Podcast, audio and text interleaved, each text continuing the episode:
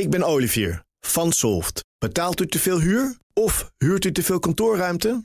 Solft heeft de oplossing. Van werkplekadvies, huuronderhandeling tot de verbouwing. Wij ontzorgen u. Kijk voor al onze diensten op soft.nl. Ook dit jaar spreken we iedere woensdag met Marcel Beerthuizen van sponsoring adviesbureau Big Plans over de ontwikkeling op het terrein van sport en economie. En laten we maar eens aftrappen met de verwachtingen voor dit voor jou hopelijk ook gelukkige nieuwe jaar, Marcel. Ja, fijn dat je ja, er van- bent. ja, dankjewel. Hetzelfde natuurlijk. eh alle beste wensen. Eh, ja, wat het sportjaar betreft. ehm, mijn verwachtingen worden ook wel gedicteerd door mijn eigen eh, interesses wat dat betreft. Maar dan kijk ik toch wel heel erg naar voetbal. Eh, natuurlijk met de Oranje winnen. Laten we met de vrouwen beginnen. Hè, die eh, WK moeten spelen in Frankrijk. Verwacht ik heel veel van. Maar ook de strijd in de eredivisie tussen Ajax en PSV. Wie gaat dat winnen? Hoe gaat Ajax het doen in de Champions League? Dan hebben we nog het Nederlandse elftal. Wat eh, de Nations League Cup hè, winst gaat spelen. En ook zich moet kwalificeren. En daarnaast heb je nog wielrennen. Tom Dumoulin natuurlijk, niet te vergeten.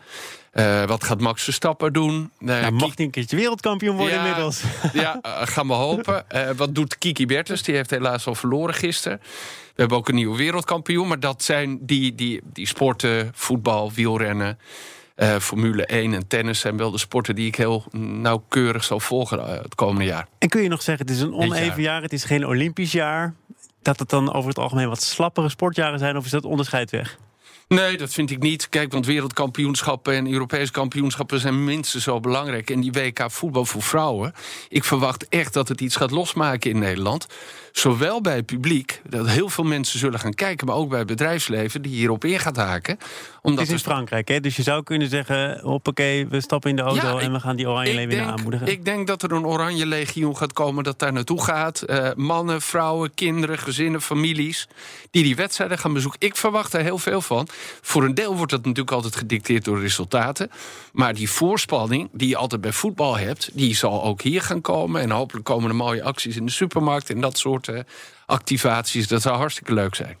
Dit zijn de dagen dat eh, de trendwatchers massaal aan het woord komen. Hè? Die zien dan trends voor dit jaar. Wat zijn dan de trends als het gaat over, waar wij het altijd over hebben, sport en economie? Ja, weet- je, trends die, die houden natuurlijk niet rekening met of het 1 januari is of 31 december. Dat is iets wat zich altijd al- al in een bepaalde periode ontwikkelt. Als je dan kijkt naar sport en economie, dan gaat het heel erg over social media en de rol daarvan van influencers. En natuurlijk alles wat er gebeurt op het gebied van mediarechten. En dat met name via de grote nieuwe eh, techs. Eh, dat, zijn wel, eh, dat zijn wel hele belangrijke ontwikkelingen op dit moment. Ja, die je ziet en die eigenlijk alleen maar doorlopen. Als je kijkt naar sport zelf, dan heb je natuurlijk de ongebonden sport die steeds belangrijker wordt.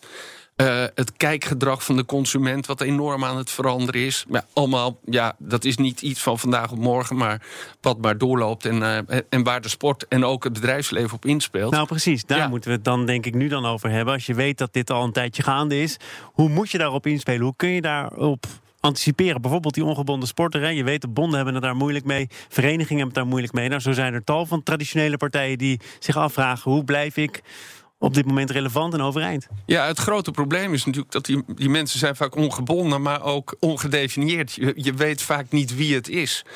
En eh, eh, zeker de sportwereld heeft zijn databases nog lang niet op orde. Nou, alle grote nieuwe bedrijven, maar ook eh, bestaande bedrijven, die verdienen natuurlijk geld met, hun, met het feit dat ze heel goed weten wie hun afnemers zijn, wie hun consumenten zijn. De sportwereld weet dat nog niet goed. Dus de eerste opdracht is eigenlijk om te zorgen dat je weet wie dat is. En vervolgens dat je daar dan proposities voor gaat ontwikkelen om die mensen aan je te binden. Dat kan door middel van verzekeringen, door speciale producten, bepaalde proposities. Of gewoon te zeggen, hè, de voetbalvelden stellen we ook voor andere eh, groepen beschikbaar. Maar dat is heel erg belangrijk. En eh, heel veel sporten, heel veel sportbonden zijn te klein en missen het geld om daarin te investeren. Als dat zo is, dan hebben we dat ook niet 1, 2, 3 opgelost. Als het een budgettaire kwestie is en je wil toch beter weten wie je potentiële klanten zijn. Ja, ja, weet je, je kan natuurlijk zeggen kosten eh, gaan voor de baat uit. Maar eh, wat dat betreft zijn heel veel sportbonden toch ook een soort goede doelenorganisaties. Die zeggen ja, wij moeten wedstrijden organiseren, scheidsrechters aanstellen. En dat is eigenlijk onze belangrijkste taak. Dus die hebben ook niet de durf en de bereidheid om er- erin te investeren. Wat ze daarom zouden moeten doen, zou ik zeggen, je moet veel meer gaan samenwerken. Ga het dan bij elkaar optellen, die kleine bonden. Stel één hele goede marketeer aan en een groep van mensen daarachter en investeer daarin. Dat zou, wat mij betreft, een manier zijn om, om wel te zorgen dat je krachtig bent en samen goed kunt optrekken. En dat is niet iets wat je alleen maar in de sportwereld uh, hoort, maar eigenlijk zie je overal om je heen. De kranten staan er ook vol, uh, vol mee van ja, je moet allianties sluiten. Hè? Dan word je veel krachtiger. Nog even kort, op welke manier gaan we het grotere bedrijfsleven terugzien in de sport en de sportsponsoring dit jaar? Nou, dat, eh, er is net een onderzoek geweest door Sponsor Report. Dat komt uh, eind deze week uit. De, onderzoek onder, onder spo het sponsorende bedrijfsleven. Die zeggen we gaan meer investeren. Het is eigenlijk voor het eerst dat daar een trendbreuk is. Dus meer dan de helft verwacht dat de investeringen, of ongeveer de helft verwacht dat de investeringen weer gaan stijgen. Wat je ziet is dat heel veel merken bezig zijn met wat dan nu de purpose heet. Hè, waar sta ik als bedrijf voor? Of de merkbelofte. Sponsoring is een hele mooie manier om, om die tastbaar te maken. Hè? Dus in, in reclame zeg je wat je doet. Door middel van sponsoring kun je dan ook uh, doen wat je zegt. En dat is het toch ook niet gek als je weet dat het economisch de komende jaren misschien wat minder wordt? Dat juist die bedrijven zeggen: we gaan onze bijdrage aan de sport verhogen, vergroten? Ja, ik, ik, ik denk dat die merken die willen juist contact maken met mensen. Die zijn op zoek naar verbinding. En dat is heel erg belangrijk. En, en via eendimensionaal verkeer is dat heel moeilijk. En het mooie van sponsoring is dat het heel vaak 3D is. Hè? Je komt echt in contact met mensen. En merkbeleving is ook natuurlijk zoiets. Hè? Een trend zou je kunnen zeggen die al heel lang speelt. En ook daarvan is uh, juist sponsoring een hele goede manier om dat tot stand te brengen en tot uitdrukking te brengen.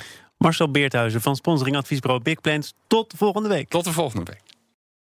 Ik ben Sylvia van Solft. Betaalt u te veel huur of huurt u te veel kantoorruimte? Solft heeft de oplossing. Van werkplekadvies, huuronderhandeling tot een verbouwing, wij ontzorgen u. Kijk voor al onze diensten op soft.nl.